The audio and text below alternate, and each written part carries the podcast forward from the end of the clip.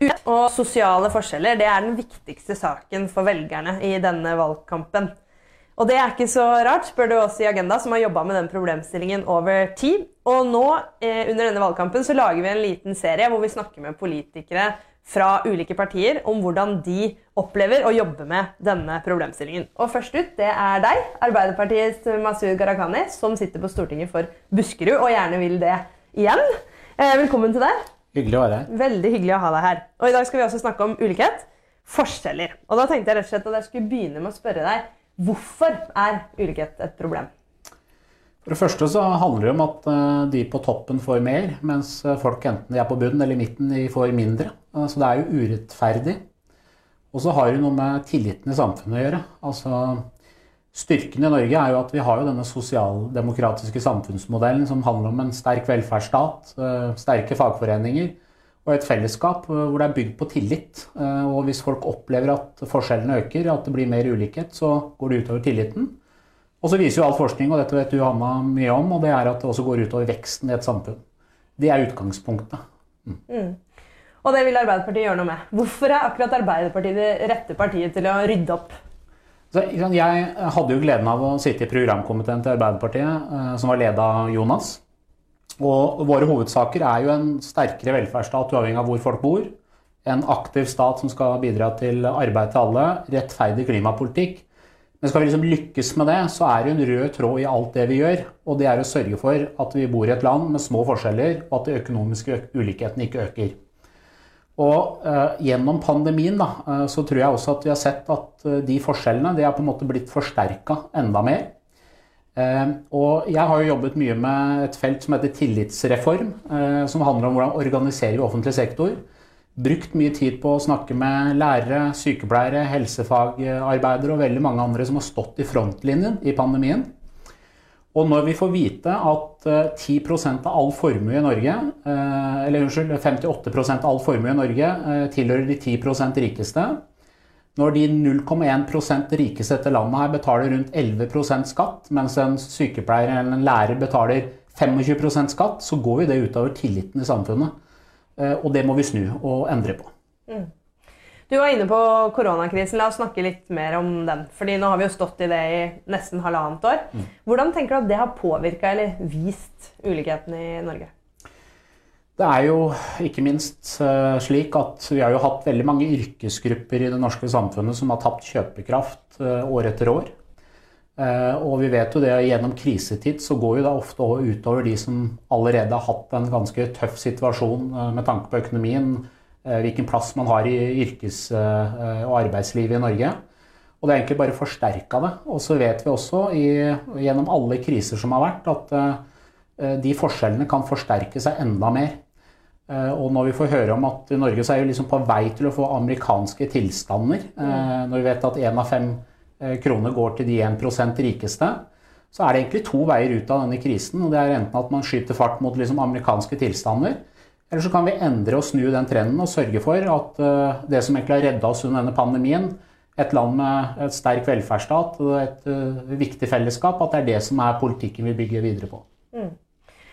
La oss være litt mer konkret på, på, løsningene. For ofte hvis man ser på den kunnskapen vi har, den forskningen vi kjenner til, så, så pleier man å kunne oppsummere løsningene, da, eller eh, veien mot lavere forskjeller, egentlig i tre områder. Man trenger et, et eh, godt organisert eh, arbeidsliv, og man trenger en sterk velferdsstat og et omfordelende skattesystem. Mm. Så hvis vi tar disse tre punktene, da, hva vil Arbeiderpartiet gjøre med arbeidslivet for å sørge for at vi får mindre forskjeller?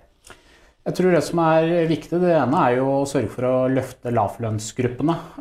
Ja, vi har den lønnsmodellen vi har i Norge, men gjennom politikken kan vi også sørge for at de får bedre økonomisk handlingsrom. Vi har jo lagt fram en 100-dagersplan som handler om dobling av fagforeningsfradraget, pendlerfradrag, billigere barnehage. Men så vet vi også det at uh, i mange deler av arbeidslivet vårt i Norge i dag, uh, så er det veldig mye deltid. Uh, gjennom pandemien så har vi jo sett at sju av ti helsefagarbeidere jobber deltid. Altså de menneskene som virkelig har stått i frontlinjen under pandemien. De må shoppe vakter. De er ikke arbeidslivet verdig, mener vi. Så det å sørge for at folk har hele og faste stillinger, får slutt på denne midlertidigheten. Så vet vi også det at uh, sosial dumping og arbeidslivskriminalitet fører jo ofte til en sånn kamp mot bunn. Mm. som kan ødelegge flere deler av det organiserte arbeidslivet vi har, hvis vi tillater at det utvikler seg. Så det å ta kampen mot sosial dumping, det er avgjørende. Mm. Hvordan gjør man det i praksis? Eksempelet var at jeg ble kontakta av LO sommerpatrulje, som har vært ute og besøkt mange arbeidsplasser. Og de kunne fortelle om unge mennesker som jobber, i, jobber innenfor grønn sektor. Da. I denne tilfellet var det snakk om jordbærplukkere. Hvor man fikk luselønn, mangla arbeidskontrakt, hadde ikke muligheten å gå på do. Og det er ganske alvorlig. Så sier man at hvorfor kan man ikke slå til da, mot disse useriøse aktørene, som også egentlig driver med arbeidslivskriminalitet? Da er beskjeden at vi har ikke kapasitet i Arbeidstilsynet, politiet. Så det å sørge for at de har ressurser Nå skal vi ikke bli veldig tekniske, jeg er opptatt av at vi skal snakke om som, som vanlige folk snakker, men vi er jo noe som heter ABE-reformen. Mm. En sånn ostehøvelpolitikk som har jo ført til at veldig mange av de etatene som skal liksom sørge for å ha kapasitet til å slå hardt ned på sosial dumping, de har mindre ressurser og dermed ikke muligheten til å slå hardt til. Mm. Eh, og dette med midlertidighet som vi var innom, hva er det rett og slett bare For denne regjeringen har jo eh, innført en økt adgang til midlertidighet. Så handler det om det? Er det andre ting? Eh, hvordan sørger man for at de fleste får faste, fulle jobber? Så det er jo flere ting. da. Det ene er jo å se på lovverket.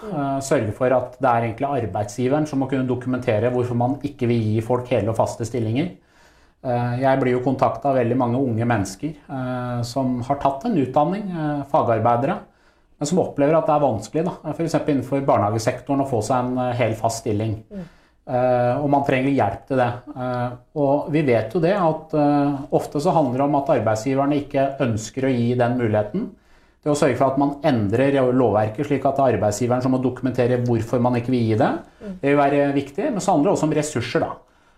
Ofte vet vi jo det, jeg sitter i kommunalkomiteen, at det handler om mer ressurser til kommunene for å sørge for at eh, man bl.a. har muligheten til å gi folk flere hele og faste stillinger. Det handler jo om denne økonomiske stabiliteten, men også muligheten til å komme seg inn i et boligmarked. Det avhenger jo bl.a. av at du har en eh, fast stilling, 100% stilling. Mm. Det andre punktet jeg nevnte innledningsvis, er jo velferdsstaten. og Da har du allerede snakka litt om eh, tillitsreform. Er det noen andre grep? Altså, er det en ny velferdsreform på trappene fra Arbeiderpartiet? Eller hvilke, hvilke måter vil man bruke velferdsordningen til å redusere ulikhet? Så det er ingen tvil om det at vi har den velferdsstaten vi har, som gjør at man kan gi uh, verdens beste fagarbeidere, uh, er jo viktig fortrinn for det private næringslivet. Mm. Uh, når jeg kommer til Kongsberg-industrien, som jeg kjenner veldig godt Men Kongsberg-industrien eksempelvis er jo ikke bare Kongsberg, det er jo verdens fremste teknologimiljø. Da hører ikke jeg liksom noe krav om mindre Altså vi betaler mindre formuesskatt og sånne ting. Det de er opptatt av, det er hvordan kan staten stille opp med oss, slik at vi kan kapre nye industrieventyr innenfor teknologi, eh, digitalisering, og ikke minst dette som handler om kompetanse, og sørge for at kompetansepåfyllet er der, slik at vi hele tiden har verdens fremste fagarbeidere. Mm. Og Hva er det som skal til da? Fordi De fleste vil jo si at de er opptatt av at vi trenger høy kompetanse i landet vårt. Er det, hvor er det Arbeiderpartiet skiller seg fra regjeringen da, på det området her? Det ene er at vi må i hvert fall sørge for at de som er lærlinger, får en lærlingplass. Eh, og så må vi bruke innkjøpsmakten som eh, offentlig sektor har. I tiden fremover tror jeg vi kommer til å se at offentlig sektor er nok de som på mange måter kommer til å ha de store oppdragene, enten det handler om å bygge nye sykehjem eller handler om å bygge nye store statlige institusjoner. Sørge for at man tar imot lærlinger, sørge for at det er organiserte og gode, eh, ordna forhold. Og ikke minst støtte opp under en utvikling hvor det er det organiserte arbeidslivet som er viktig. Mm. For alle vi vet jo det at en av årsakene til at vi har klart oss veldig godt gjennom denne pandemien, det er jo sosialdemokratiske samfunnsmodell, men det handler også om den norske modellen med trepartssamarbeidet. Mm. Og det er dette som må styrkes i tiden fremover. Mm. Og du, Masud, du har jo lovt at dere også skal gjøre noe med lederlønninger. Det har du vært veldig opptatt av. Eh, men tror du dere får det til? For det har jo vært også under den forrige rød-grønne regjeringen så så man jo at lederlønningene økte. Og vi vet jo også at det er en driver for forskjeller. Tror du det blir annerledes den gangen her? Jeg tror at for et parti da, som oss som, som uh, har ambisjoner og det skal være en rød tråd å redusere ulikhetene og gjøre noe med forskjellene, så vet vi jo, som vi har snakket om, Anna, at dette med rettferdig uh, fordeling og skattepolitikken er viktig. Løfte lavlønnsgrupper. Men så ser vi også det at innenfor offentlig sektor så har dette med toppledernes lønnsutvikling bidratt eh, i denne utvikling av ulikheter. Og det gjør jo noe med, igjen med tilliten i et samfunn. For det som har skjedd, er at topplederne har blitt lønnsvinnere år etter år, og så har vanlige arbeidsfolk blitt bedt om moderasjon. Og eksemplene er jo mange. Når en eh, toppleder i staten, direktør eller hva man kaller seg, får en lønnsøkning bare på et år på 164 000 kroner, så ser du at eh, en barnehageassistent har tapt kjøpekraft år etter år og tjener eh, kanskje eh, litt over 300 000, så er det urettferdig. Så det vi har sagt er at Vi ønsker en total gjennomgang av lederlønninger i staten. Og det handler om å røske opp og, og endre i det. Det tror jeg er veldig viktig, for det handler igjen om tilliten. Mm. Det siste poenget da, som er viktig, og det er kanskje egentlig ofte det vi bruker mest tid på å diskutere i Norge, er jo skattesystemet. Mm. Og også her ønsker dere en ganske radikal endring sammenligna med det eh, skatteopplegget regjeringen har presentert. Hva er det viktigste? Det er at det skal være et eh, spleiselag eh, som er rettferdig. Og alle som kjenner til formuesskatten og debatten, vet jo at det er jo først og fremst de 10% rikeste som vil tjene på lav formuesskatt i Norge. Det er ikke folk flest, det er ikke vanlige arbeidsfolk som får gleden av lav formuesskatt. Og når vi har hatt en utvikling hvor de 1000 rikeste alene har fått mellom 2,2 og 2,4 millioner i kutt, eh, så er det urettferdig. Så det vi har sagt, er at vi ønsker å legge om. Eh, vår skattepolitikk ligger fast og tydelig der. Tjener du 750 000 kroner under, så eh, blir det mindre skatt. Vi ønsker ikke å endre bedriftsbeskatninga, den, den, ligger fast på 22 Det blir ikke noe arveavgift, det gjør det ikke. Men formuesskatten blir endra, hvor de 10% rikeste må betale mer. På den måten så får vi rom både for å satse på en sterkere velferdsstat, arbeid til alle, og gjøre en mer rettferdig fordeling hvor vi løfter lavlønnsgruppene i Norge. Mm.